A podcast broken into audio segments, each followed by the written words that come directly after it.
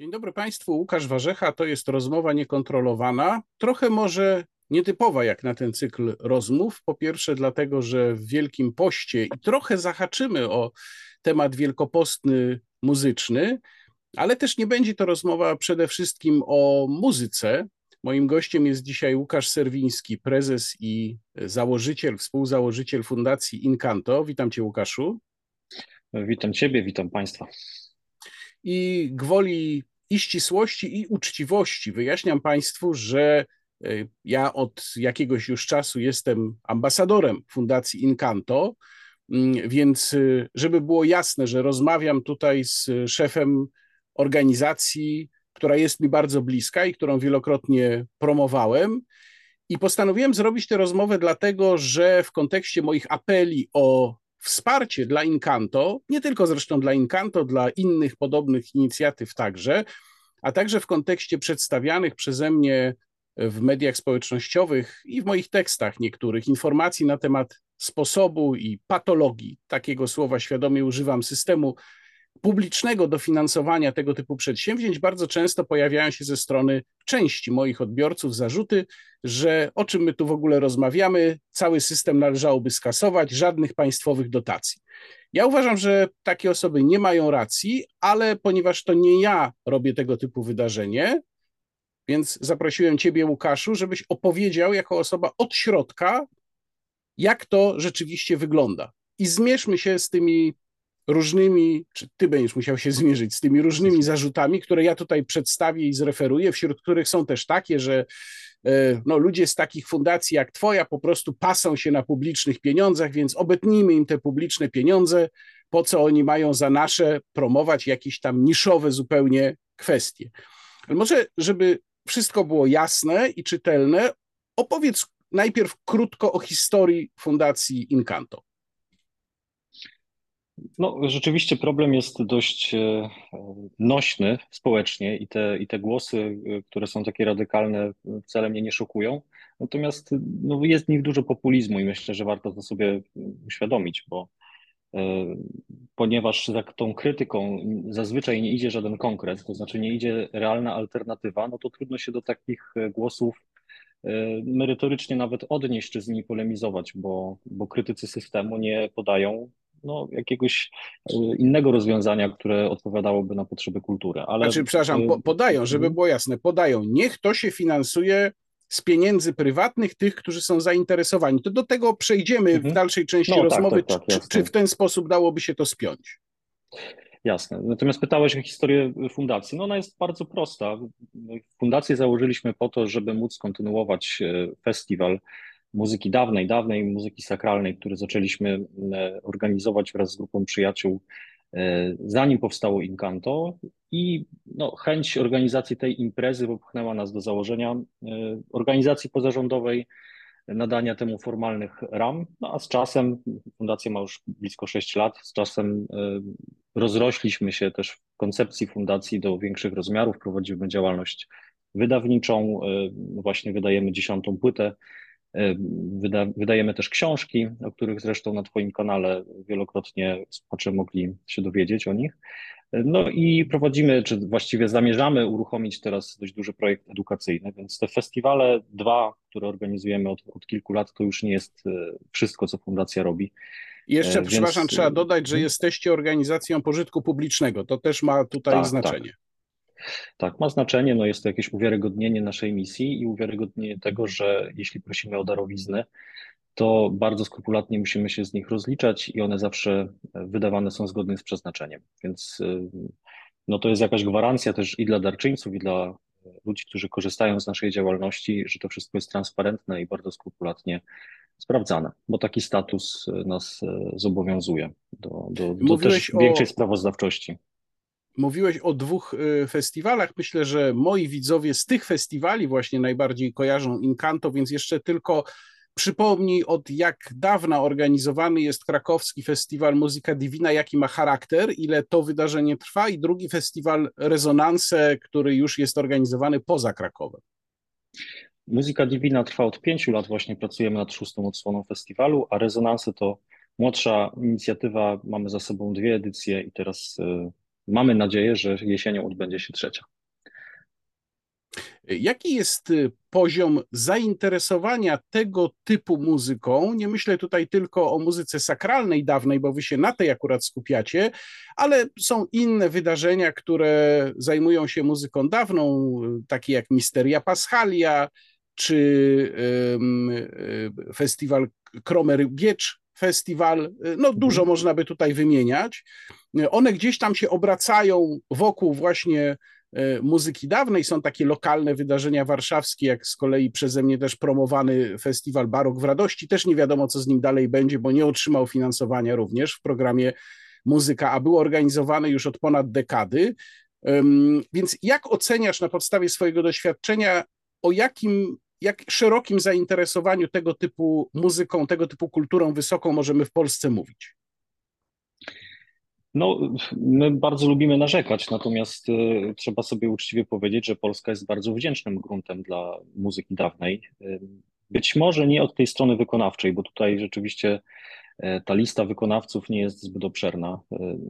No, zaznaczam tutaj, że mam głównie na myśli zespoły zajmujące się muzyką dawniejszą niż barokowa, bo ta barokowa jeszcze jest nadreprezentowana, natomiast zespoły, które sięgają e, jeszcze głębiej w, w historię muzyki, no to, e, to niestety już są nieliczne. Natomiast mamy publiczność. To z całą pewnością jest pozytywne, bo oczywiście moje doświadczenia ograniczają się, te bezpośrednie doświadczenia do Krakowa i tutaj e, mogę zaręczyć, że na nasz festiwal, ale też na nasze zaprzyjaźnione festiwale, właśnie Misteria Paschalia, zawsze przychodzą tłumy.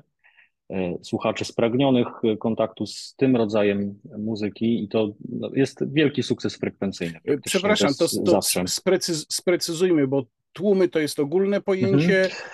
Jak, o jakich liczbach tutaj mówimy, na przykład w przypadku ostatniego festiwalu Muzyka Divina? Ostatni festiwal Muzyka Divina składał się z sześciu koncertów, na które łącznie przyszło około 4,5 tysiąca słuchaczy. To wydaje mi się, jak na muzykę klasyczną, dość niszową muzykę klasyczną, jest bardzo dobry wynik. No i też zważywszy na pojemność wnętrz, też znacznie więcej słuchaczy po prostu by się też nie zmieściło, więc to, to jest jakieś ograniczenie, ale też widzimy progres. Z, ro, z roku na rok e, nasza publiczność rośnie i to nie są mm, takie śladowe wzrosty, tylko wręcz skokowe.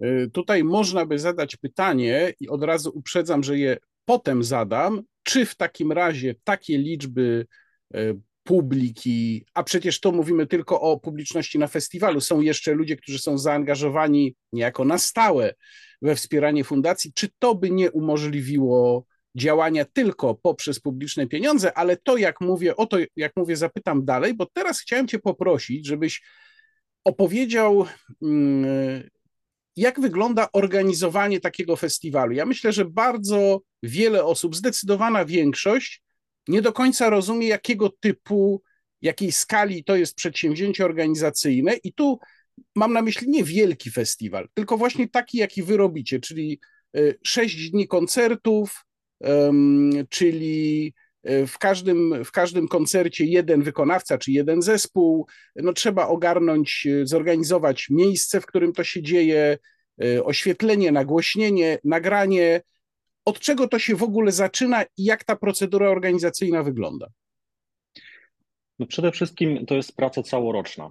Wielu ludziom wydaje się, że organizacja to jest kilka miesięcy przed wydarzeniem. Niektórzy nawet myślą, że, że znacznie krócej, krócej niż kilka miesięcy, a tak naprawdę nad Muzyka Divina pracujemy cały rok, a ostatnio to już, to już jest nawet więcej niż 12 miesięcy, więc kończymy pracę nad e, jedną edycją później niż zaczynamy pracę nad, nad, kolejną edycją, ale to też wynika z tego, że z organizacją festiwalu wiąże się ogromna praca biurokracyjna. I to, e, to też jest jeden z tych kamyczków do ogródka finansowania publicznego, bo nawet jeśli już tego złotego grala otrzymamy, to wiąże się z nim bardzo duża praca. Często e, no, mamy takie poczucie, że to jest praca w dużej mierze bezsensowna, no ale ale nie narzekamy, trzeba ją wykonać. No niemniej, jak, jak, na tak mały zespół, jaki my dysponujemy, bo mamy tylko czterech pracowników etatowych i kilku wolontariuszy albo osób, które pracują u nas na zlecenie, no to jest bardzo duży wysiłek organizacyjny. E, więc przede wszystkim fundraising i mam tutaj na myśli zarówno pisanie wniosków, jak i pozyskiwanie darczyńców prywatnych, cała obsługa zarówno tego procesu składania wniosków, potem przyjmowania dotacji, podpisywania umów i rozliczenia, no to jest naprawdę wiele, wiele, wiele godzin pracy. Samej tej pracy organizacyjnej jest stosunkowo mniej niż właśnie tej pracy biurokratycznej. No ale oczywiście zorganizowanie chociażby całej logistyki, przelotów, zakwaterowania, wyżywienia, też poruszania się po mieście. No w przypadku, kiedy jesteśmy zmuszeni ciąć koszty i nie możemy takiej pracy całkowicie delegować na zewnątrz, no to posiłkujemy się wsparciem wolontariuszy, ale rzeczywiście organizacja takiego wydarzenia, jak na naszą skalę organizacji którą jesteśmy i, i, tego, czego się podejmujemy, to jest bardzo duże wyzwanie. To jest praca na etat kilku osób przez cały rok.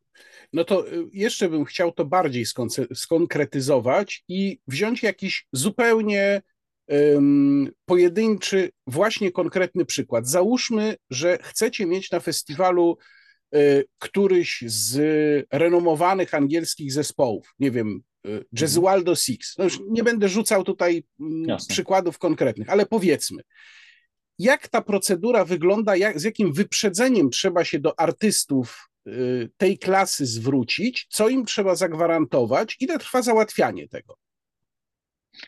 No w takim idealnym y, świecie to zwrócilibyśmy się z wyprzedzeniem co najmniej dwuletnim chcąc e, zamówić u nich konkretny program, który będzie wpisywał się w e, jakieś, jakąś ogólną koncepcję festiwalu, którą też planujemy z dużym wyprzedzeniem. E, oczywiście warto byłoby przynajmniej, to przynajmniej na kilka miesięcy, do około pół roku przed koncertem podpisać umowę z artystami, która gwarantuje im wynagrodzenie za tę pracę koncepcyjną, za przygotowanie się do koncertu, w takiej umowie zazwyczaj są kary umowne i tak dalej, oczywiście dla dwóch stron, natomiast y, jest to takie solidne zobowiązanie, że koncert się odbędzie i ma zabezpieczenie finansowe. Y, no i oczywiście już sama ta, samo to przygotowanie wydarzenia to jest, y, to jest bardzo krótki odcinek intensywnej pracy, ale stosunkowo krótkiej. Mamy to szczęście, że festiwal trwa już parę lat. Artyści to też jest małe środowisko, mówmy się, w środowisku muzy artystów muzyki dawnej. I te wieści bardzo szybko się rozchodzą, i renoma naszego festiwalu e, jest całkiem w porządku. To nam gwarantuje możliwość e, negocjacji tych warunków e, w tym takim newralgicznym obszarze. To znaczy, jeżeli prosimy o koncert z krótkim wyprzedzeniem, to zazwyczaj spotyka się to ze zrozumieniem, a nie z wyśmianiem. Prawda? Więc y, na tym troszkę. A co to jest, co to jest dla artystów y, krótkie wyprzedzenie? Bo też myślę, że wiele osób sobie nie zdaje z tego sprawy. Ty powiedziałeś przed chwilą, że w idealnych warunkach do takiego zespołu jak Jesualdo Six zwrócilibyście się z dwuletnim wyprzedzeniem. Myślę, że to dla wielu widzów jest zaskoczenie, że to są aż takie terminy. No jeśli zespół jest rozchwytywany, to ten kalendarz, szczególnie w takim wysokim okresie, no, bardzo szybko się zapełnia, więc e, jeśli chcemy stworzyć e, festiwal, który zamyka się w bardzo określonych terminach, nie chcemy go rozpraszać, e, nie chcemy, chcemy, żeby to była seria koncertów, no to też nasze możliwości terminowe są no, bardzo wątłe. To jest zaledwie kilka dni, w których musimy zmieścić wszystko, co co zaplanowaliśmy. Wobec tego, skoro my nie jesteśmy elastyczni dla artystów, to to wyprzedzenie musi być duże, żeby w ogóle można było o takim koncercie mówić. Natomiast krótkie wyprzedzenie, takie no absurdalnie krótkie, no to jest 3-4 miesiące. To, to, to myślę, że poniżej tego to już naprawdę byśmy się ośmieszali, gdybyśmy prosili o rzeczywiście jakiś, jakiś renomowany zespół o przyjazd do Krakowa. A czy zdarzało się tak w historii Muzyka Divina, że to wyprzedzenie rzeczywiście było tak krótkie, albo nawet krótsze. Czy taką sytuację mieliście? Tak, mieliśmy. Mieliśmy, dlatego że ze względu na problemy finansowe musieliśmy odwołać koncert e, jednego zespołu i zaprosić w takim trybie awaryjnym e, inny zespół, który oczywiście przywiózł już repertuar, który znał, e, który już nie, nie, nie powstał na zamówienie festiwalu, więc wybraliśmy to, co było po prostu dostępne. Oczywiście ze szkodą dla jakiejś spójności y, całej koncepcji programowej, bo zawsze to już nie, nie jest y, taka komfortowa sytuacja, w której to my decydujemy o tym, y, co konkretnie zabrzmi na festiwalu, więc nie jest to dla żadnej ze stron komfortowe. Jest to takie odcinanie trochę kuponów od dobrych relacji i trochę nadużywanie cierpliwości i zaufania drugiej strony. No ale jeżeli jesteśmy w sytuacji bez wyjścia, no to no to cóż można zrobić? No, trzeba po prostu przeprosić, poprosić i, i jakoś liczyć, że to wszystko się zepnie na koniec dnia. A jak to wygląda od strony finansowej? Tu nie pytam oczywiście o konkretny zespół, to są wasze tajemnice, mhm. kwestie organizacyjne, ale myślę, że warto by było, żeby widzowie sobie uświadomili, jakiego rzędu koszty ponosicie w związku z przyjazdem jednego zespołu y, klasy europejskiej, czyli nie polskiego, i tu myślę o wszystkim, czyli wynagrodzenie dla artystów, czyli przelot, czyli odpowiedniego standardu hotel, bo tu z tego co wiem, rozmawialiśmy o tym wielokrotnie, wymagania artystów też są różne. Jedni są gotowi zgodzić się na trochę niższy standard, na przykład w zamian za coś, za dłuższy pobyt w Krakowie. E, inni mają swoje określone sztywne wymagania, z których nie schodzą. To jest jeszcze kwestia posiłków, no takie niby bardzo przyziemne sprawy, ale wszystko to generuje koszty, więc o jakiego rzędu pieniądzach mówimy? No ja może y, odniosę się do całości budżetu, bo to będzie bardzo wymowne. My na przestrzeni tych y, pięciu, sześciu lat, od, od, od, kiedy organizujemy Muzyka Divina, nie zmieniliśmy znacząco skali festiwalu. Zazwyczaj to jest pięć lub sześć koncertów i zespoły o podobnej obsadzie, jeśli chodzi o liczbę artystów e, na edycję festiwalu. To jest około 30, 35, 40 czasem e, osób. I kiedy zaczynaliśmy w 2018 roku, koszty honorariów i tej całej logistyki, no i co w zasadzie mm, zawierało się w całości budżetu, bo to trudno już tutaj tak dzielić bardzo na drobiazgowo, to było około 300 tysięcy złotych.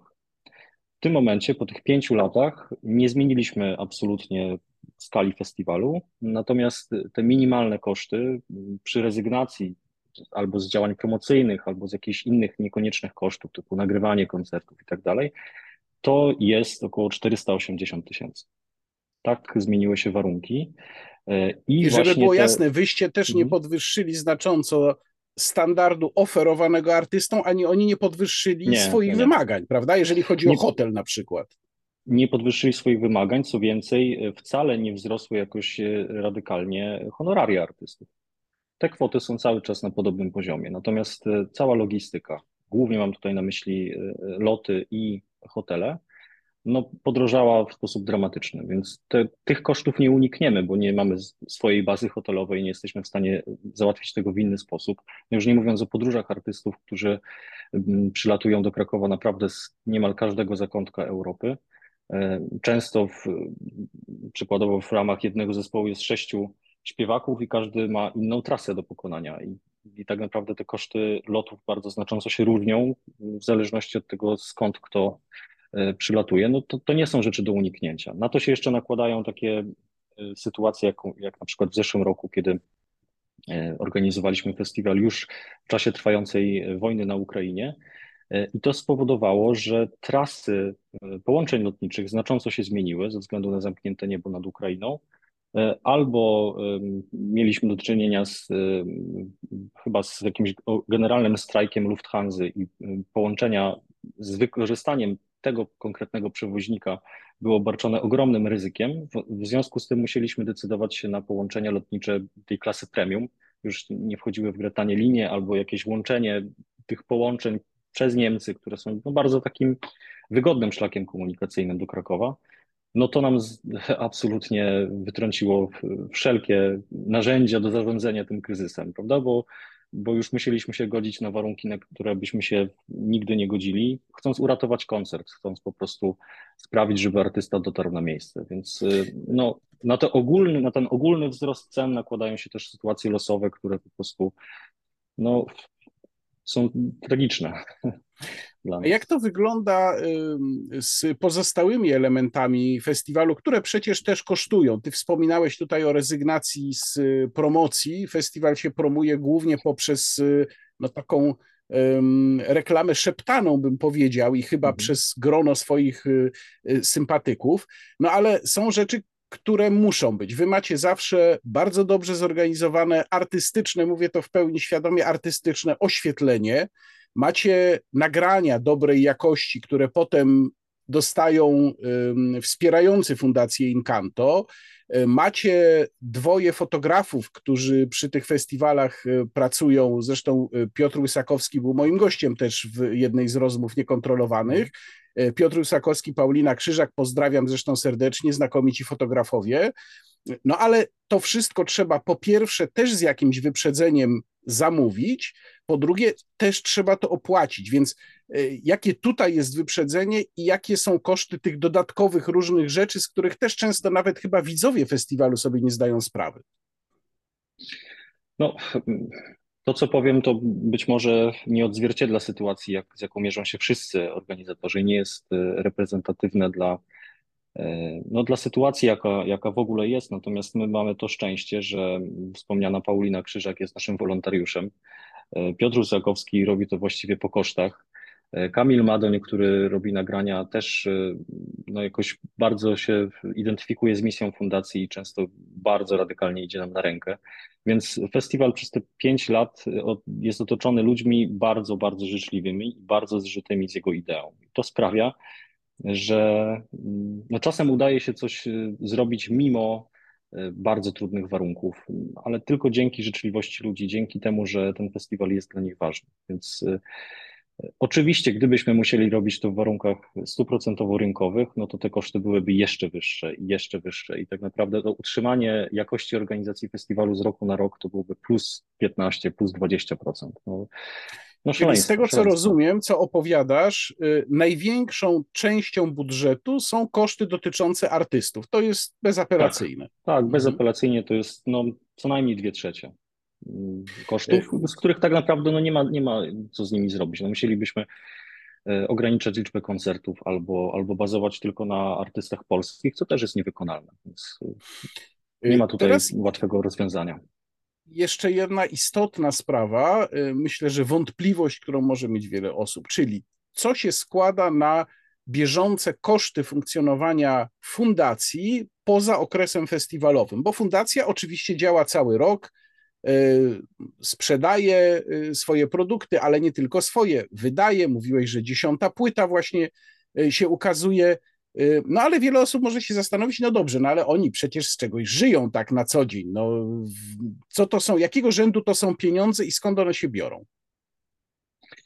No, oczywiście my mamy koszty takie jak każda mała firma. To znaczy musimy opłacić e, koszty pracy, które jak wiemy w Polsce są absurdalnie wysokie. Jeżeli mamy czterech pracowników etatowych z bardzo niskimi pensjami, to łatwo sobie policzyć, jakiego rzędu to są miesięczne koszty, które musimy pokryć. No oczywiście y, koszty prowadzenia biura czy koszty obsługi księgowej, no to są takie już dodatkowe rzeczy. Teraz chociażby z tych drugich chcemy zrezygnować, prowadząc księgowość samodzielnie, bo no, szukamy cały czas takiego rozwiązania, które sprawiłoby, że to się wszystko jakoś bardziej zacznie spinać i będziemy mieli mniej takich okresów w roku, kiedy no, brakuje nam płynności, brakuje nam takich narzędzi, żeby żeby w sposób bezpieczny tak naprawdę skupić się na pracy, a nie na zapewnieniu sobie e, no, warunków do życia, prawda?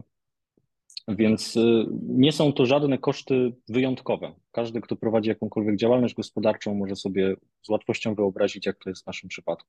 Jakimś e, niewątpliwą trudnością i, i obciążeniem też dla tego, co chcemy robić i co sprawia, że to jest jeszcze większym wyzwaniem, jest to, że w budżecie naszych wydarzeń muszą być zawarte te koszty pracy. To znaczy, fundacja nie jest e, w stanie zapewnić pokrycia kosztów pracy z innych źródeł, czy to z darowizn przekazanych bezpośrednio na działalność fundacji, czy, czy nie wiem, z, z działalności gospodarczej. To jeszcze nie jest ten etap, kiedy byśmy mogli utrzymać pracowników e, tylko z tych źródeł, więc część tych pieniędzy, które po prostu potrzebujemy na to, żeby przeżyć i żeby opłacić etaty, no muszą się zawrzeć w budżetach e, naszych dwóch festiwali. Więc to, to no niestety podnosi też ich koszty i, i sprawia, że jeszcze trudniej nam jest e, to wszystko spiąć. Przejdźmy teraz do e, kwestii systemu finansowania i pierwsze pytanie to jest pytanie o barierę wejścia w ogóle na ten rynek. Czyli mamy jakąś inicjatywę, tak jak wyście zaczynali z Muzyka Divina i z Incanto, ktoś chciałby się tym zająć, oczywiście potrzebuje pieniędzy, nawet jeżeli y, zamierza organizować wydarzenie małej skali. Nie takie jak y, Muzyka Divina, gdzie mamy te sześć koncertów, ale takie jak weekendowe rezonanse, gdzie tych koncertów jest, no co prawda są po, po trzy dni i przez dwa dni są po dwa koncerty, ale skala wydarzenia jest mniejsza.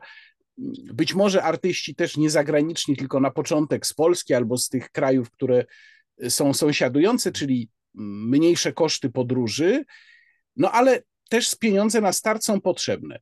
Czy jest, ta, czy jest taka finansowa bariera wejścia i czy ją się da pokonać bez sięgania po publiczne wsparcie? Wydaje mi się, że, że nie, że to nie jest wykonalne. My mieliśmy to szczęście, że zaczynając w ogóle myślenie o fundacji i o festiwalu, wtedy tylko Muzyka Divina, mieliśmy wsparcie prywatnych darczyńców, którzy zaufali naszemu pomysłowi, którzy po prostu dali nam pieniądze na start, które pozwoliły nam, no mówiąc w cudzysłowie, kupić czas na zdobycie pozostałej części budżetu. Więc e, z takim prezentem, z takim budżetem na start mogliśmy w ogóle zacząć e, myśleć o przygotowaniu pierwszego festiwalu. No a jak ten pierwszy festiwal się odbył, no to już nabudował i publiczność, i jakąś wiarygodność. Już było o czym w ogóle rozmawiać w kolejnych latach, szukając wsparcia, czy to w fundacjach korporacyjnych, czy właśnie w budżecie samorządowym, czy w budżecie rządowym. Ale Wtedy przepraszam, gdyby, gdyby to się, o... gdyby było tak, że nie ma tego prywatnego sponsora. O tym, czy oni w ogóle są i na ile są chętni pomagać, też jeszcze porozmawiamy. E, I ty przychodzisz do, mówię oczywiście umownie, do Ministerstwa Kultury albo do Urzędu Marszałkowskiego, mówisz, mam taki pomysł, to wygląda tak i tak, tak bym to sobie wyobrażał, czy mogę liczyć na wsparcie? Czy to się w ogóle tak, y, y, tak da zrobić? Czy, czy taka inicjatywa na wejściu ma jakiekolwiek szanse z tych źródeł publicznych? Myślę, że to bardzo zależy od miejsca, w którym próbuje się to zorganizować. Ja mogę się podeprzeć doświadczeniem Krakowa i wiem, że tutaj bardzo ciężko jest zacząć.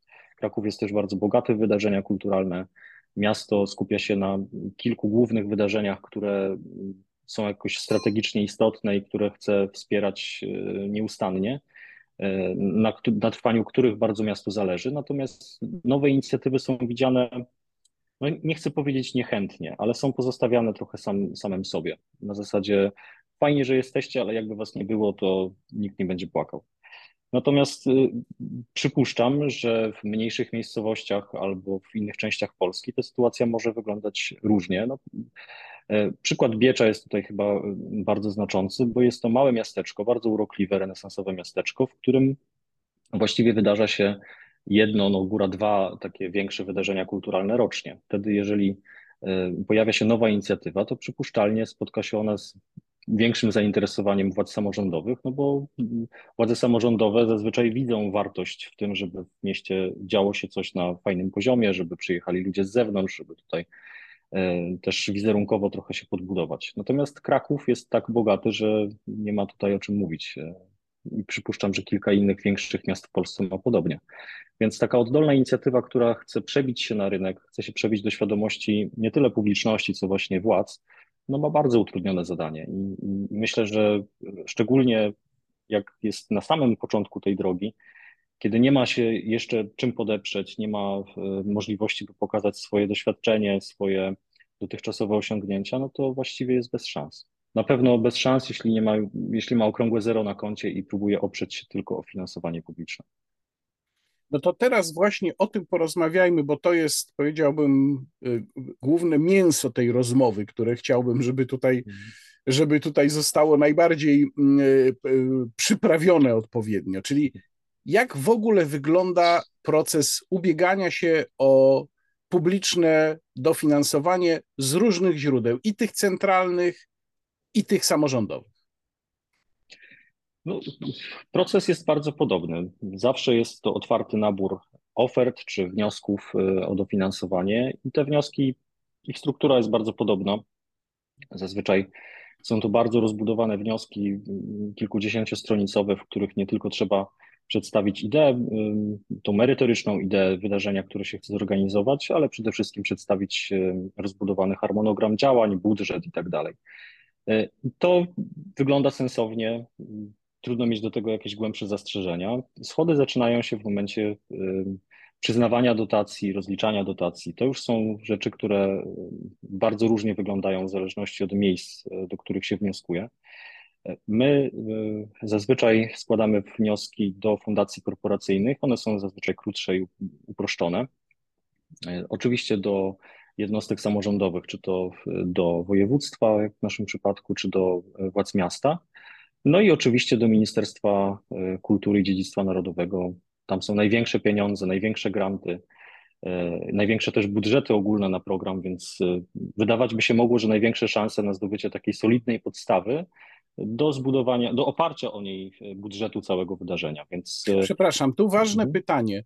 Czy mówimy o dofinansowaniu na pojedyncze wydarzenie, czy też mówimy o programie, który pozwoliłby złapać oddech, programie finansowania oczywiście, który pozwoliłby złapać oddech i pozwoliłby pomyśleć w perspektywie dwóch, trzech lat, już nie mówię o większej, o, o dalszej odległości, ale przynajmniej takim okresie.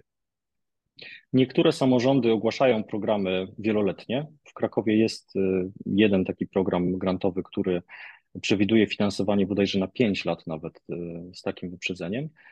A programy ministra y, również zakładają tryb wieloletni, maksymalnie trzyletni.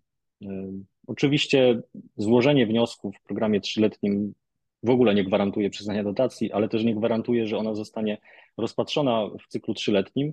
Mieliśmy taką sytuację i pewnie wiele innych podmiotów również, że składając wniosek na trzy lata, otrzymywaliśmy dofinansowanie tylko na jeden rok. Dlaczego? Nie wiem. To jest już y, kwestia no, bardzo autonomicznych decyzji prawdopodobnie pana ministra. No to właśnie Natomiast do tego, do tego są... bym chciał mhm. przejść, jak to, jak to dalej wygląda, czyli składacie wniosek, ten wniosek opisuje mm, ideę, pomysł, no wszystkie te rzeczy, o których mówiłeś, czyli w miarę kompleksowo musi przedstawić przedsięwzięcie. I co się dzieje dalej? Wniosek e, jest oceniany według trzech e, składowych. Można, mówię teraz, zaznaczam, że mówię teraz o wniosku do e, Ministerstwa Kultury i Dziedzictwa Narodowego, w naszym przypadku akurat w programie Muzyka, ale ten system oceniania jest analogiczny dla wszystkich innych programów, więc to zaznaczam, że mówię o jednym programie, ale tak naprawdę odnosi się to do, do całego systemu. Można uzyskać maksymalnie 100 punktów w trzech kategoriach ocen. Jest to ocena organizacyjna, I to trochę myląca nazwa, bo e, nie dotyczy to oceny organizatora, czy jego doświadczenia, czy, czy jakości organizacji, tylko jest to ocena przede wszystkim wniosku e, z naciskiem na jego część budżetową i harmonogram i wzajemnych relacji tego budżetu do harmonogramu. Czy to wszystko jest logicznie, sensownie poukładane. E, I jest tutaj też przyznawana odrębna punktacja która e, właściwie wynika z proporcji matematycznych pomiędzy wnioskowaną kwotą, a jej stosunkiem do całego budżetu wydarzenia. Mówiąc prosto, im mniejsza wnioskowana kwota, im mniejsza ta proporcja wnioskowanej kwoty do budżetu całego wydarzenia, tym więcej punktów w tej kategorii można e, dostać. Czyli tak jakby ministerstwo promowało większą samodzielność, że im mniej tak naprawdę pieniędzy z ministerstwa potrzeba, tym więcej ale zaznaczam, że w tej kategorii organizacyjnej e, można dostać maksymalnie 10 punktów. 10 punktów na 100 ogólnych, czyli e, za te, za te proporcje, o których przed chwilą wspomniałem, 4 punkty i 6 punktów za ocenę samego wniosku, a właściwie tej części budżetowo-organizacyjnej tego wniosku. Drugą kategorią jest e, ocena merytoryczna i za nią można już uzyskać 60 punktów, więc bardzo dużo. I w tej ocenie merytorycznej y, jest zawarta ocena y, samego programu, jego spójności, jakości i też ocena organizatora, czyli to, czy instytucja wnioskująca ma kompetencje do tego, żeby wywiązać się z tego, co deklaruje we wniosku. To jest 60 punktów. I najciekawsza, i na, na niej chcę się skupić, jest ocena strategiczna, za którą można uzyskać pozostałe 30 punktów. I pozwól, że odniosę się tutaj wprost do regulaminu, bo to jest bardzo, bardzo ciekawe. Jakie są kryteria oceny strategicznej? Jest ich y, sporo, ale y, warto się nad nimi pochylić i odnieść je potem do tego, co Przepraszam, jeszcze ci przerwę, jeszcze mhm. ci przerwę. Zanim opowiesz o ocenie strategicznej, ta poprzednia kategoria, czyli ocena merytoryczna, z tego co rozumiem, y, no ona jest w zasadzie uznaniowa, tak? No bo tutaj y, oczywiście pewnie są też jakieś spisane kryteria, ale trochę mi trudno sobie wyobrazić, jak obiektywnie można by ocenić y, merytoryczną stronę projektu, festiwalu, w zależności od czego? Od tego, jakim okresem muzyki się ma zajmować? Czy jacy wykonawcy przyjeżdżają? Bardziej to drugie. Na ile, to, na ile ta ocena jest zobiektywizowana? No, należy wierzyć, że komisja ekspertów powołana przez ministra ma narzędzia do tego, żeby ocenić merytorycznie przedstawione wnioski. Znaczy, oczywiście Ale przepraszam, Łukaszu, bo natomiast... mówisz, mówisz, przepraszam, mówisz, należy wierzyć. To znaczy, że ty jako organizator festiwalu nie znasz tych narzędzi, nie wiesz, jakie kryteria tutaj działają? Mamy podane kryteria w regulaminie, ale nie znamy na przykład składu komisji. Ona jest tajna, więc ja nie wiem, kto ocenia te wnioski. E, nie wiem w ogóle, czy to są ludzie specjalizujący się w muzyce, czy w innym dziedzinie sztuki. E, muszę wierzyć, muszę wierzyć, że ta ocena jest obiektywna i opiera się o kryteria. Natomiast chcę powiedzieć o tej strategicznej, e, dlatego że tutaj to, to jest jeszcze bardziej ciekawe E, jeśli tutaj dojdziemy do jakiegoś porozumienia, że jest to w ogóle szansa na obiektywną ocenę, to być może to będzie bardzo konstruktywna rozmowa. Więc pozwól, że odniosę się do, do tych kilku um, kryteriów oceny zgodności wniosku ze strategicznymi celami ministerstwa, czyli organizatora programu. To, to jest bardzo, bardzo istotne.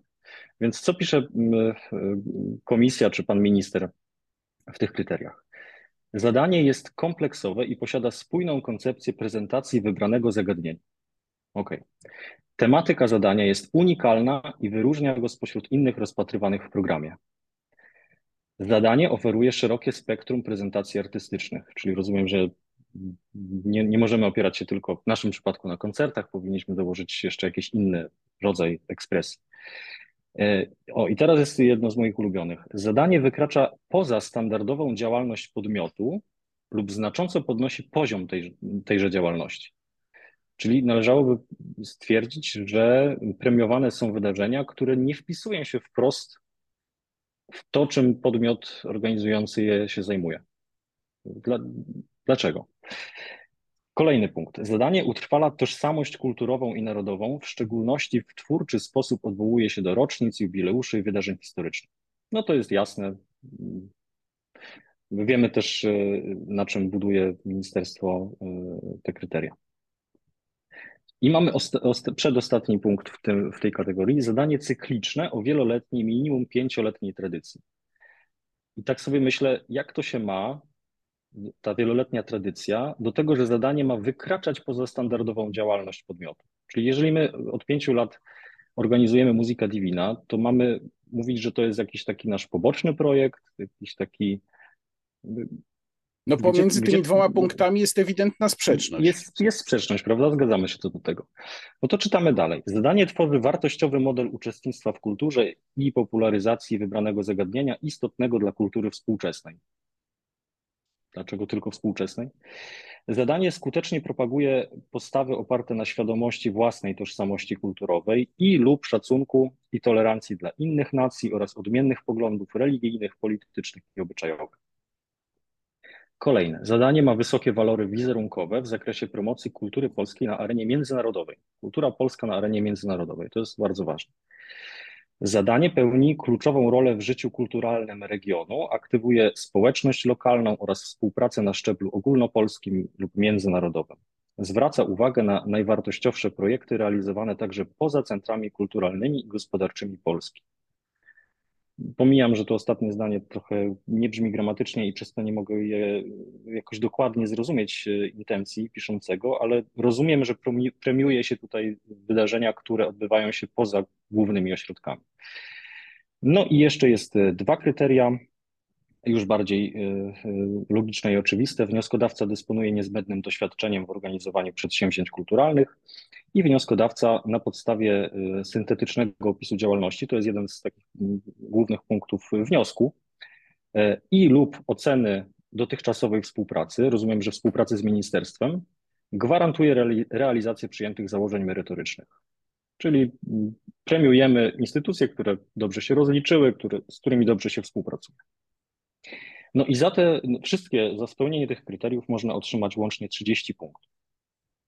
Nie wiem, e, jakie jest Państwa i Twoje, Łukaszu, wrażenie, ale dla mnie wyobrażenie sobie wydarzenia, które wpisuje się we wszystkie te kryteria, albo przynajmniej w ich większość, to jest jakieś kuriozum. Znaczy, to, to jest jakiś dziwny twór, e, rozpięty pomiędzy kulturą polską, areną międzynarodową, e, dostawą otwartości, tolerancji, wieloletnie, ale jakieś poboczne. Gdzie tutaj no ja mam przede wszystkim wzorcowy model? E, ja mam przede wszystkim takie wrażenie, słuchając tych kryteriów, że one są niesamowicie nieprecyzyjne. Jeżeli mówimy o przyznawaniu jakichkolwiek pieniędzy, ale w ogóle o jakichkolwiek procedurach tego typu, to one powinny się opierać na możliwie jasnych i jednoznacznych kryteriach. Oczywiście nie wszędzie się da takie czysto wymierne zastosować, ale to, co przeczytałeś, no, kompletnie się nie mieści w kategorii jasności i precyzyjności. I widzę tutaj y, pole dla dużej uznaniowości. Ale y, chciałem zapytać, czy w ocenach, które wyście dostawali w ciągu ostatnich lat w ramach składanych wniosków, mm, znaczy po pierwsze, czy, czy macie dostęp do tego, mm, jakie jest uzasadnienie dla danej oceny, i po drugie, czy w tych ocenach było coś, co cię zaskoczyło w wysokości tej punktacji? Mhm. Pozwól, że do tego wrócę, bo to też chciałbym, żeby to była puenta tej, tej części naszej rozmowy. A um, chciałbym jeszcze dodać do tych kryteriów, bo one mi się nie podobają i to jest jasne. W sensie ja też nie rozumiem dokładnie o co w nich chodzi dla, też widzę w nich wiele rozbieżności, wiele sprzeczności, wiele znaków zapytania. A przede wszystkim wydaje mi się, że uzyskanie tutaj maksymalnej oceny, zebranie tych 30 punktów jest niemal niemożliwe. No po prostu nie, nie wyobrażam sobie, co my musielibyśmy zrobić ze swoim festiwalem, żeby w te kryteria się wpisać. No i jakież jest moje zaskoczenie, kiedy otwieram sobie kartę wyników e, z tego roku, e, wyników w programie Muzyka i widzę dziesiątki, dziesiątki instytucji, które mają maksymalną ocenę strategiczną. I, no i y, pozwól, że podeprę się tutaj e, konkretnymi przykładami z ogromnym zastrzeżeniem, że nie mam, nie jest moją intencją kwestionowanie zasadności przyznania tym instytucjom dofinansowania, tylko chciałbym zwrócić po prostu uwagę na to, co przed chwilą przeczytałem i jakie wnioski możemy na tej podstawie wyciągnąć. Mamy na przykład Fundację Festiwal Muzyki Sakralnej, bo to taka bliż, nam tematyka, która organizuje Międzynarodowy Festiwal Muzyka Sakralna w Archikatedrze Warszawskiej. Czy to jest wydarzenie, które jest y, jakoś nienaturalne dla organizatora. Sama nazwa wskazuje, że fundacja organizuje ten festiwal, więc nie jest to, tak jak mówi kryterium, zadanie, które wykracza poza standardową działalność. Tymczasem 30 punktów na 30. E, inny przykład. Wyższe Seminarium Duchowne Metropolii Warmińskiej. E, muzyka Warmienzis, koncerty w zabytkowych kościołach historycznej Warmii. Powiedzmy, że to bardzo e, po, podobny klimat do naszych rezonansów, bo też E, robimy festiwal w, w zabytkowych kościołach Podkarpacia leżących na e, szlaku architektury drewnianej. 30 na 30. E, patrzę sobie dalej. Trzecia edycja festiwalu Czterech Tradycji, Filharmonia nasza krakowska po sąsiedzku. Trzecia edycja, czyli nie wydarzenie o ugruntowanej minimum pięcioletniej tradycji, jak głoszą kryteria. 30 na 30 możliwych punktów. Inny przykład. Fundacja bardzo znana Anny Dymnej, Fundacja Mimo Wszystko. Koncerty przyjaciół zaczarowanej piosenki. Wiemy, jaki jest charakter tego wydarzenia. Czy ono e, reprezentuje kulturę polską na arenie międzynarodowej? Czy dba o e, prawda, odnoszenie się do twórczo do rocznic, jubileuszy i tak dalej? Czy propaguje, prawda, jakiś, jak to było, twórczy, wartościowy model uczestnictwa w kulturze, popularyzacji wybranego zagadnienia istotnego dla kultury współczesnej i tak dalej, i tak dalej. Gdzie są te kryteria? 30 na 30. Inny przykład. Stowarzyszenie Pomocy Dzieciom Chirurgicznie Chorym. Koncept charytatywny Muzyka czyni cuda. 30 na 30 punktów w ocenie strategicznej. E, takich przykładów jest dziesiątki, naprawdę dziesiątki. Fajnie też sobie spojrzeć na te listy wyników i zobaczyć, gdzie ona się kończy. To znaczy, kończy się ten próg przyznanych dotacji, bo to jest, tego nie powiedziałem, minimum 70 punktów trzeba zdobyć, żeby w tym całym rankingu się zmieścić i dostać dotację. No i ostatnia E, ostatnia inicjatywa, która dostała dotację, to Ogólnopolski Festiwal Pieśni Patriotycznych. Patrzę sobie na ocenę organizacyjną 3 punkty na 10. Ocena merytoryczna 37 punktów na 60. Ocena strategiczna 30 na 30. Pięterko niżej jest e, Polskie Towarzystwo Muzyki Kameralnej, organizujące po raz 17 Gorlicką Jesień Muzyczną. Ocena organizacyjna 5 na 10, ocena merytoryczna 44,8 na 60, ocena strategiczna 20 na 30, no i już dotacji brak. Jest jeszcze na przykład Stowarzyszenie dla Pińczyc organizujące wydarzenie o nazwie Na całych jeziorach Ty. 30 na 30 ocena strategiczna.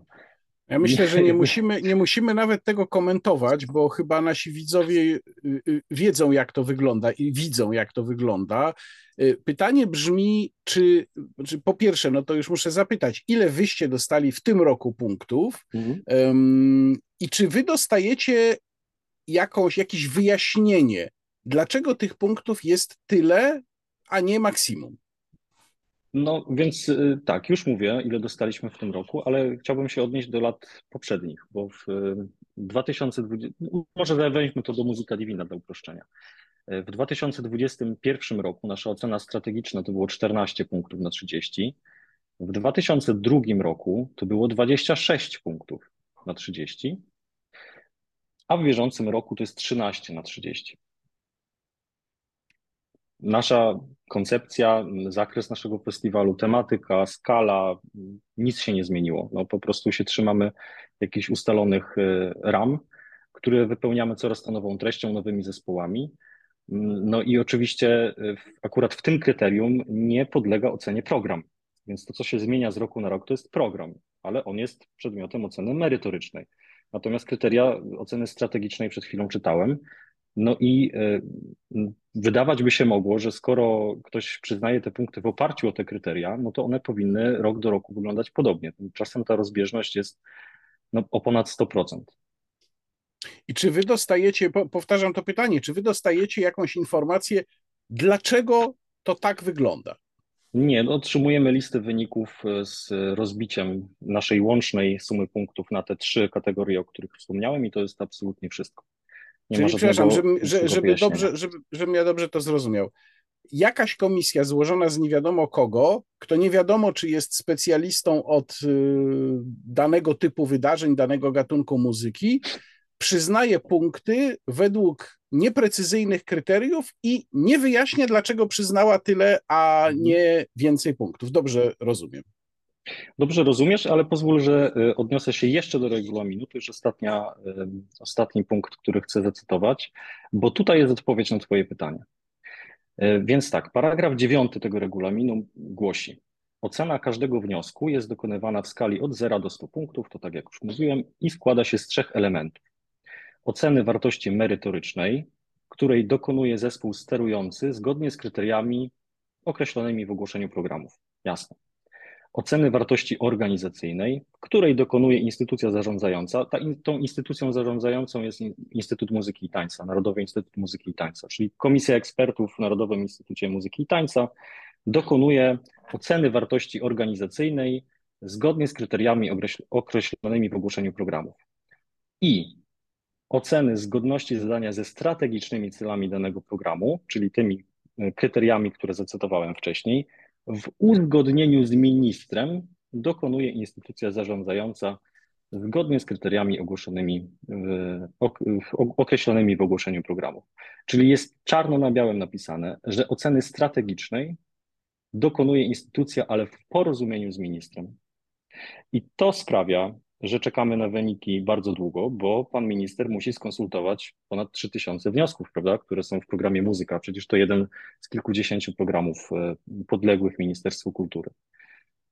Y, Jasno, to jest, to, jest znaczy, to, to, to, wygląda jak y, kompletne ręczne sterowanie, ale powiedziałeś, trwa to bardzo długo. To jeszcze Powiedz, jak ma się termin rozstrzygania tych wniosków do potrzeb organizacyjnych, do harmonogramu organizowania takiego festiwalu?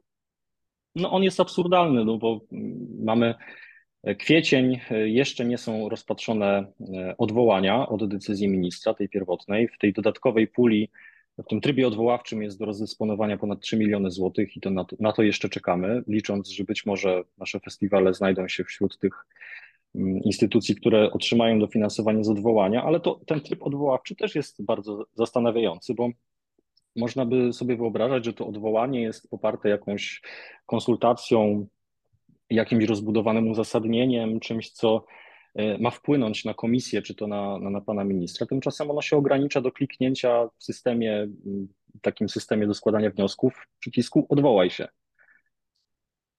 I co potem się dzieje? Potem na karcie wyników widzimy taką szachownicę, że niektóre e, instytucje dostały pieniądze z odwołania, inne, inne nie. A Więc czy jest trudno... jakaś e, czy jest jakaś kontrola w trakcie wydarzeń tego, jak one przebiegają? To znaczy, czy organ, który was ewentualnie dofinansowuje, wysyła kogoś, żeby zobaczył, czy ten festiwal rzeczywiście wygląda tak, jak wyście opisywali we wniosku? Nie, oczywiście nikt na żywo e, nie weryfikuje tego, jak e, jest realizowany festiwal, który, który otrzymał wsparcie, natomiast musimy się bardzo drobiazgowo wytłumaczyć z budżetu. Musimy oczywiście przedstawić nie tylko rozliczenie kwoty przyznanej e, przez ministerstwo, ale zaprezentować rozliczenie całego budżetu, tak żeby było jasne, jak, jak te pieniądze zostały wydane w proporcji do całego budżetu i tak dalej. E, no oczywiście przedstawiamy też my sprawozdanie merytoryczne, opisujemy, co udało się zorganizować, e, jaka była frekwencja. No, jest tutaj szereg wskaźników, których musimy udokumentować. E, I rozliczenie takiego dofinansowania to też jest kilka miesięcy pracy. I wydawać by się mogło, że to bardzo słusznie. Natomiast mnie razi ta dysproporcja pomiędzy przejrzystością zasad przyznawania wsparcia, a drobiazgowością rozliczenia, które potem następuje i też, e, też niejasnymi regułami tego rozliczenia. Przykładowo teraz mamy dość spore problemy z banalnego powodu. Otóż Jedna z osób pracujących w Narodowym Instytucie Muzyki i Tańca, zatrudniona chyba przed kilkoma tygodniami, zmieniła zasady interpretacji niektórych kosztów kwalifikowanych. W naszym przypadku rzecz dotyczy absolutnej głupoty. To są smycze, na których zawieszamy identyfikatory artystom. Te smycze mają nadrukowane, nadrukowane logo festiwalu, adres www, no i po prostu są jakimś elementem działań promocyjnych zawsze je drukujemy, czy to dla naszych wolontariuszy, czy dla artystów, czy, czy dla nas, dla ekipy organizatorów. No i według e, nowego pracownika Narodowego Instytutu Muzyki i Tańca to nie jest materiał promocyjny, w związku z tym nie, nie jest słusznie zaliczony do budżetu promocji festiwalu, w związku z tym tę fakturę musimy za, te, za wydruk tych, tych smyczy wycofać z rozliczenia, co nie pozwala nam zamknąć roku księgowego w fundacji, bo my musimy, będąc OPP, jasno przyporządkowywać wszystkie najdrobniejsze koszty do poszczególnych kategorii naszych projektów. W związku z tym, jeśli ministerstwo kwestionuje nam jedną fakturę, to musimy znaleźć teraz, nie wiem skąd, fakturę na taką samą kwotę, wstawić ją w to miejsce, żeby była w kosztach kwalifikowanych, zamknąć rozliczenie projektu i zamknąć rok księgowy.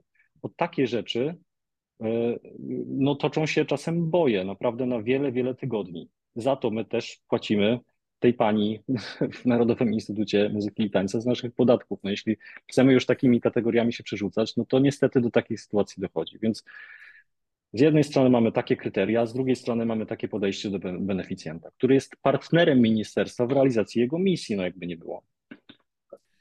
To teraz porozmawiajmy o tym, co proponuje wiele osób, mm, o których wspominałem na początku naszej rozmowy, czyli czy da się tego typu wydarzenie robić bez udziału publicznych pieniędzy, czy to samorządowych, czy to ministerialnych. I tak się składa, że ty jesteś do tej rozmowy bardzo dobrym y, partnerem, dlatego że y, promujesz, promujecie jako Incanto ideę festiwalu społecznego. Wy chcecie, żeby jak największą część, a być może nawet całość tych kosztów wzięli na siebie ludzie, którzy są zainteresowani Y, słuchaniem tej muzyki, chcą w tym uczestniczyć, chcą niejako współorganizować festiwale Muzyka Divina i Rezonanse. I teraz jest pytanie, czy to się da zrobić z ich pieniędzy? Pojawia się też pytanie, może bardziej szczegółowe, ale warto na nie odpowiedzieć. Wiele osób to pytanie zadaje. A dlaczego nie sprzedawać po prostu biletów? No tak, to są bardzo zasadne pytania. Ja myślę, że zacząłbym od tego, że wydaje mi się, że w myśleniu o wydarzeniach kulturalnych dotyczących sztuki wysokiej, czy to nieważne, czy to jest muzyka, czy inny rodzaj sztuki, my posługujemy się w myśleniu kategoriami rynkowymi. I to jest podstawowy błąd.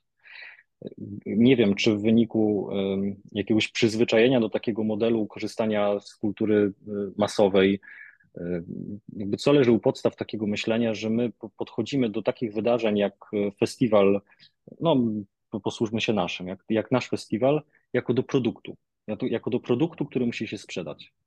Tymczasem ja mam wrażenie, że to, co my robimy, to jest troska o depozyt kulturalny, który został nam powierzony. Troska o to, żeby go rozwijać, żeby on też oddawał coś społeczeństwu w formie niematerialnej. To znaczy, my się też troszczymy o tożsamość kulturową, troszczymy się o to, żeby to, co jest naszym wspólnym dziedzictwem, rozwinąć i przekazać dalej.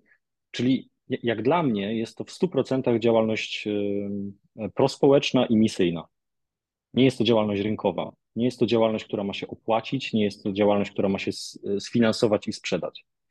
I myślę, że za tymi wolnorynkowymi postulatami właśnie te, to myślenie się kryje, że jest wolny rynek, jest wolna, są równe szanse. Proszę bardzo, tu jest y, muzyka popularna, tu jest muzyka klasyczna.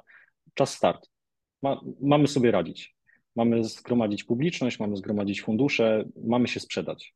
No nie jest to realne. Po prostu tak to nie działa. My musimy działać po to, żeby e, ludzi przekonać o wartości tego, co jest naszym wspólnym dziedzictwem. Oni nie wiedzą jeszcze, czego, e, czego chcieć, jakby za czym tak naprawdę e, mają podążać. Więc budując publiczność, budując świadomość, e, rozwijając gust, stawiając wymagania, my nie możemy jednocześnie oczekiwać, że to się sprzeda i, i sfinansuje. To jest Przepraszam, bo tutaj powiedziałeś coś, co mi trochę przypomina pewien pasus z pierwszej książki Rogera Scrutona, Muzyka jest ważna, którą wydaliście, gdzie Scruton mówi, że dziecko E, trzeba czasem przymusić trochę do pewnych mhm. rodzajów aktywności, czy do słuchania muzyki właśnie, po to, żeby mu pokazać, jaką ma ofertę, bo to jest chyba ważne, e, żeby Twoje słowa nie zostały opacznie zrozumiałe, nie, zrozumiane. Nie chodzi o to, żeby ludzi zmuszać do słuchania takiej muzyki, jaką wy na festiwalu prezentujecie. No, oczywiście, że nie. Dobrze Cię mhm. rozumiem. Tylko o to, żeby dać im tę ofertę, której oni po prostu w inny sposób nie są w stanie i nie, nie znajdą jej nigdzie. Oczywiście i nie są w stanie też sami o to się zatroszczyć. To nie jest tak, że ta dostępność do tego rodzaju treści jest y, łatwa. Więc jeżeli y, nie znajdzie się y, instytucja, która będzie działać po to, żeby taką ofertę kulturalną dostarczyć, no to po prostu jej nie będzie a nie jest tak, że to jest odpowiedź na popyt na rynku, prawda? Tylko jest to odpowiedź na potrzebę społeczną, którą my musimy no dobrze, sobie jako ale, szerok, ale, szerokie gremium uświadomić. Spójrzmy na to właśnie od strony tego y, popytu. Przez moment przyjmując chociaż częściowo tę rynkową perspektywę. Mówiłeś o tych y, ponad 4 tysiącach osób, które przewinęły się jako widzowie, przez, jako słuchacze przede wszystkim, przez festiwal Muzyka Divina w ubiegłym roku, no to jest dosyć duża grupa. Można zadać pytanie, y, czy y, zbierając pieniądze wśród tych ludzi, czy wprowadzając bilety, czy poprzez poszukiwanie wsparcia na takiej zasadzie, jak wy to robicie, mm, y, przedstawiając propozycje, ideę festiwalu społecznego, no nie da się jednak tej sumy zebrać i wtedy można powiedzieć, proszę bardzo, od nikogo nie wyciągamy pieniędzy, nie bierzemy żadnych publicznych pieniędzy, e, pracujemy tylko na pieniądzach ludzi, którzy naprawdę chcą słuchać tego, co my im oferujemy. No ja może cię zaskoczę, ale ja wierzę, że się da. To znaczy e, nie zaczęlibyśmy idei festiwalu społecznego, gdybyśmy nie wierzyli w skuteczność tej metody. Natomiast to, że w ogóle o takim rodzaju finansowania festiwalu zaczęliśmy myśleć i takie finansowanie wdrażać, wynika z niewydolności systemu, że właśnie biorąc pod uwagę to wszystko, o czym rozmawialiśmy wcześniej, doszliśmy do wniosku, że musimy iść własną drogą, że to nie jest możliwe, żeby w oparciu o tak niejasny system budować jakąkolwiek perspektywę. W związku z tym nie jest to być może naturalne, to co próbujemy osiągnąć przez festiwal społeczny. Jest to odpowiedź na zaistniałą sytuację. Natomiast odnosząc się jeszcze do, do kwestii biletowania, jak dla mnie kwestia biletów na koncert i wsparcia festiwalu to są absolutnie dwie różne rzeczy. I e, tych rzeczywistości bym bardzo nie chciał stawiać e, obok siebie i ich zrównywać. Dlaczego? Dlatego, że właśnie wprowadzając odpłatność za koncerty, mówimy, to jest produkt. To jest, e, my, sprzed, my dostarczamy usług, dostarczamy usługi kulturalnej. Nie, my nie dostarczamy usługi, my zapraszamy do zaangażowania i do współtworzenia. Kim innym jest słuchacz, który kupuje bilet na koncert, kim innym jest patron festiwalu, który wspiera go regularnie, nawet kwotą 5 zł miesięcznie. Mniej więcej w ciągu roku równoważąc potencjalny wpływ z biletu, jaki, jaki mógłby zapłacić za dany koncert.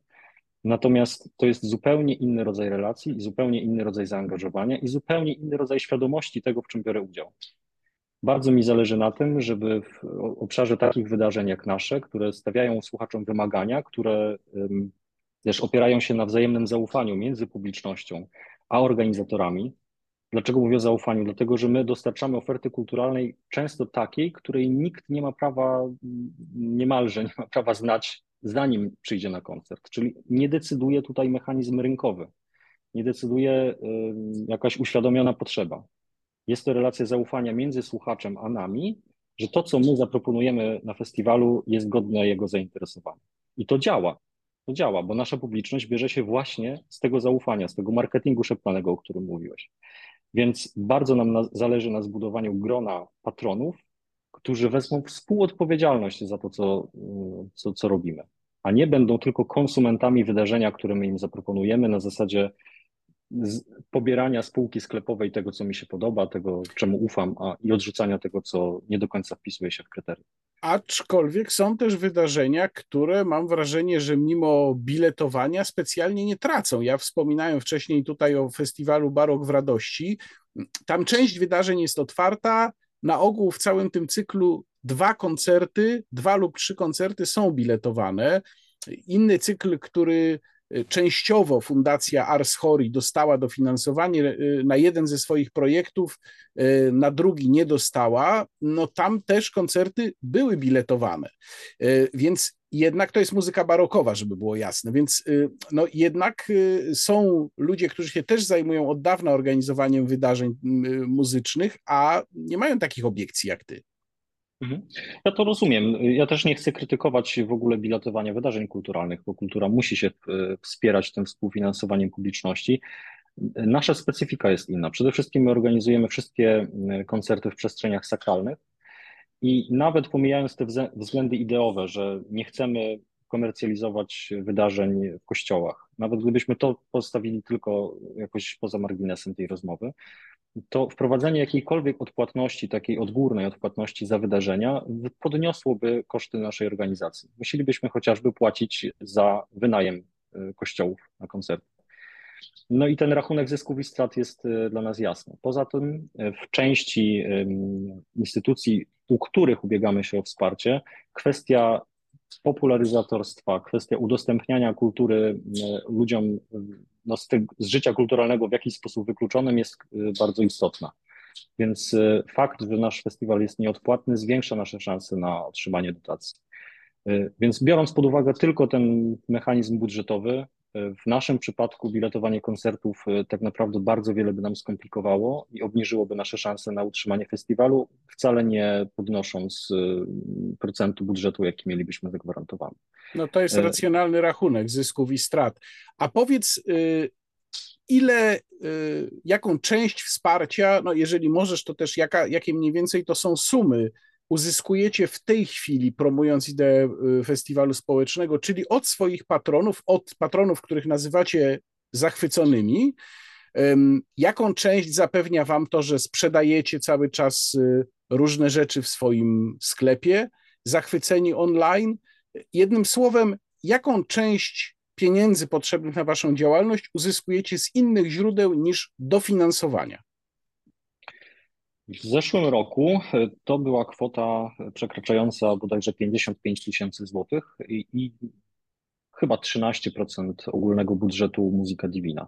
Uważam, że jak na fakt, że festiwal społeczny jako idea istnieje od 2021 roku i wtedy w połowie roku w ogóle zaczęliśmy o tym mówić, to jest to wynik bardzo dobry.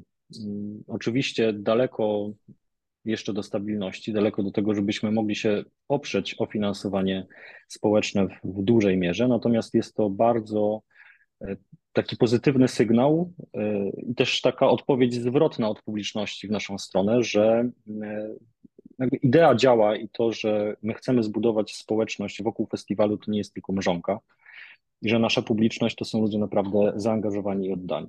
Mamy około 80 y, osób, które regularnie nas wspierają. Y, gdyby zliczyć wszystkich darczyńców, którzy z różnych powodów, y, no przede wszystkim ekonomicznych, musieli zrezygnować z regularnego wsparcia, to pewnie już daleko przekroczylibyśmy setkę osób, które w ogóle zdecydowały się regularnie wspierać festiwal. Wydaje mi się, że to jest bardzo taki dobry prognostyk i to pokazuje, że jeżeli dobrze zakomunikować potrzebę i motywację stojącą za tą ideą, to jesteśmy w stanie obudzić w ludziach ten gen współodpowiedzialności. To, że e, nie tylko są konsumentami, nie tylko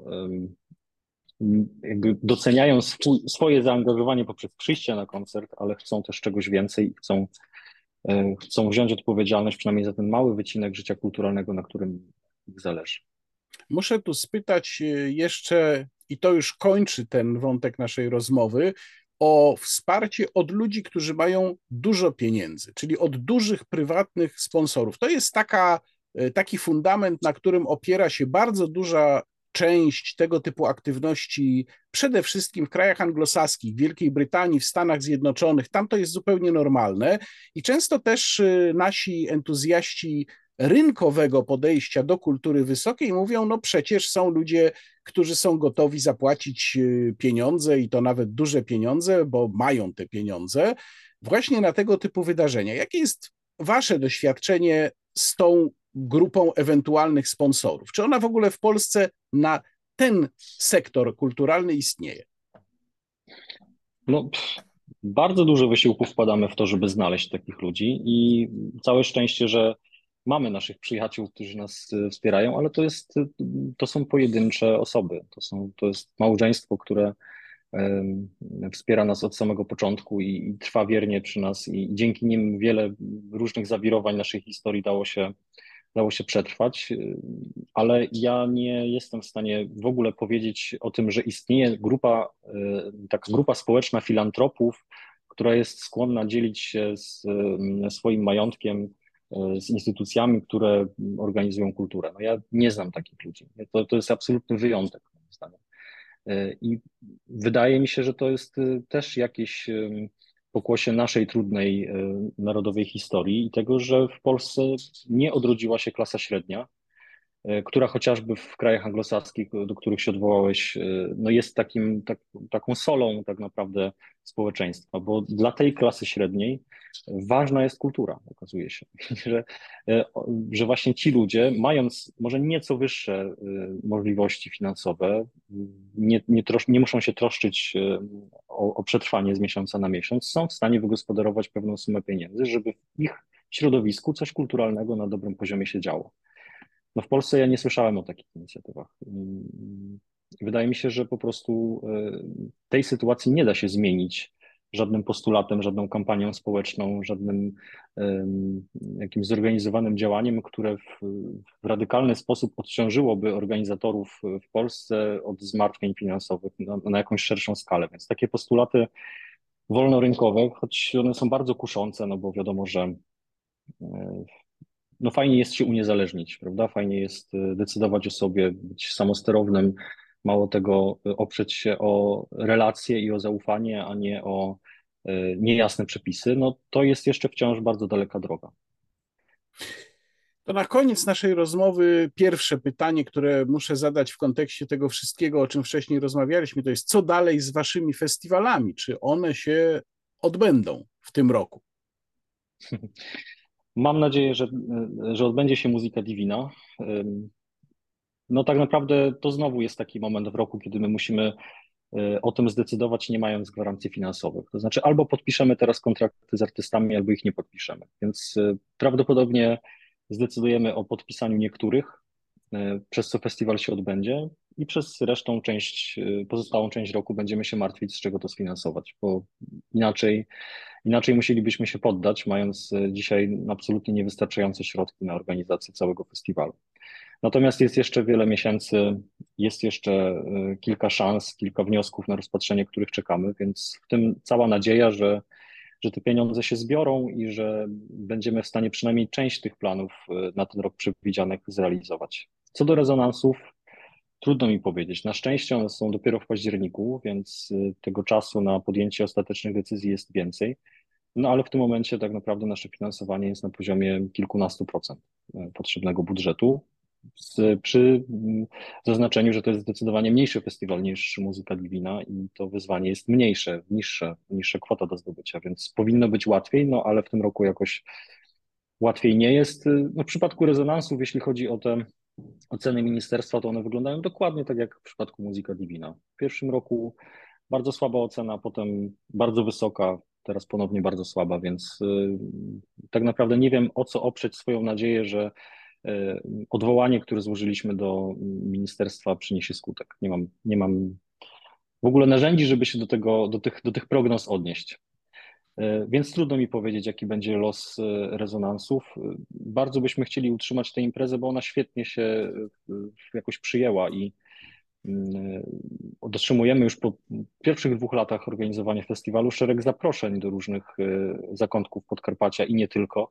E, żebyśmy przyjechali tam z festiwalem i zorganizowali e, koncerty. Więc to jest bardzo miłe, jeśli czuje się, że jest taki nomen omen rezonans społeczny tego, co, tego, co robimy i że to e, trafia na podatny grunt, mimo że to nie jest grunt łatwy i naturalny dla tego typu muzyki, bo przecież publiczność rezonansów często przychodzi z ciekawości, często przychodzi w ogóle bez świadomości tego, w czym ma uczestniczyć, a potem coś dobrego się dzieje w tych ludziach i, i chcą powtórki, więc to jest nies niesamowicie motywujące. Ja mogę potwierdzić, że rezonanse, które mają rzeczywiście zupełnie inną atmosferę niż y, wielkomiejska muzyka divina, to jest doświadczenie absolutnie wyjątkowe, więc jeżeli tylko się odbędą, za co bardzo trzymam kciuki, to namawiam wszystkich już teraz, żeby kto będzie mógł oczywiście, żeby mm, przyszedł i posłuchał. E, no i na koniec rozmawiamy w Wielkim Poście, przed nami najbardziej optymistyczne i najradośniejsze święta w całym roku, a wy macie w swoim sklepie ofertę związaną z Wielkim Postem, nie tylko zresztą z Wielkim Postem, żeby było jasne, ale również e, no i tutaj, skoro rozmawiamy o tym, jak można pomagać, jak prywatne osoby mogą pomagać tego typu inicjatywom, to zróbmy tutaj trochę reklamy. Co można hmm. kupić związanego z Wielkim Postem w sklepie Zachwycenie Online? No pomijając e, kartki e, wielkanocne, na które jest już chyba trochę za późno, żeby w tym momencie kupować i wypisywać, to chciałbym bardzo serdecznie polecić e, płytę Nutu Laulut zespołu Lina Muzikut, którą też Łukaszu polecałeś na swoim kanale, za co bardzo Ci dziękuję, bo jest to płyta absolutnie wyjątkowa. Z muzyką jedyną w swoim rodzaju, y, w którą naprawdę warto się zanurzyć, a dla nas osobiście to jest bardzo ważna płyta. Płyta, która jest spełnieniem y, marzeń, która jest spełnieniem wieloletniej pracy, która jest też naszym produktem absolutnie od A do Z, od koncepcji poprzez nagrania aż do, do każdego detalu tego wydawnictwa, więc chciałbym bardzo, żeby ta płyta miała przed sobą długie, długie życie i żeby jeszcze za parę lat było o niej głośno. Więc bardzo ją Państwu polecam, bo jest to płyta z lamentacjami, między innymi lamentacjami Wacława Strzamotu, wykonanymi przez Estończyków z jakąś taką wielką predylekcją do muzyki polskiej i z wielkim sentymentem do, w ogóle do, do polskiego narodu i, i, są tutaj chyba zdecydowanie bardziej rozpoznawalni i lubiani niż w swojej ojczyźnie, więc to jest w ogóle też socjologiczny fenomen i artystyczny fenomen, któremu warto poświęcić uwagę. No i druga rzecz, którą chciałbym polecić, to płyta, która teraz jest w przedsprzedaży, za parę dni będzie u nas fizycznie. To jest płyta już wielkanocna y, z chorałem gregoriańskim wykonanym przez świetną scholę z Chorzowa pod dyrekcją Sławka Witkowskiego. To jest chorał cysterski. Chorał monastyczny, ale ze źródeł polskich, czy przynajmniej od wielu, wielu wieków przechowywanych w Polsce, więc takie źródła, które do tej pory nie były wykonywane, nie były opracowywane, Sławek Witkowski wziął je na warsztat i powstało z tego coś bardzo pięknego, a my dołożyliśmy do tego taką swoją małą cegiełkę w postaci bogatego i myślę bardzo ładnego wydania. Więc jest to też e, miły przedmiot i może miły prezent dla kogoś, kogo chcemy w ogóle zainteresować muzyką dawną czy chorałem gregoriańskim, więc też bardzo polecam tę płytę. Za parę dni będziemy ją wysyłać tuż po świętach. Bardzo dziękuję. Moim gościem w rozmowie niekontrolowanej był Łukasz Serwiński, prezes Fundacji Incanto, organizatora festiwali Muzyka Divina i Rezonanse. Dziękuję Ci bardzo, Łukaszu, za rozmowę. Bardzo Ci dziękuję. Łukasz Warzecha, kłaniam się Państwu. Do zobaczenia.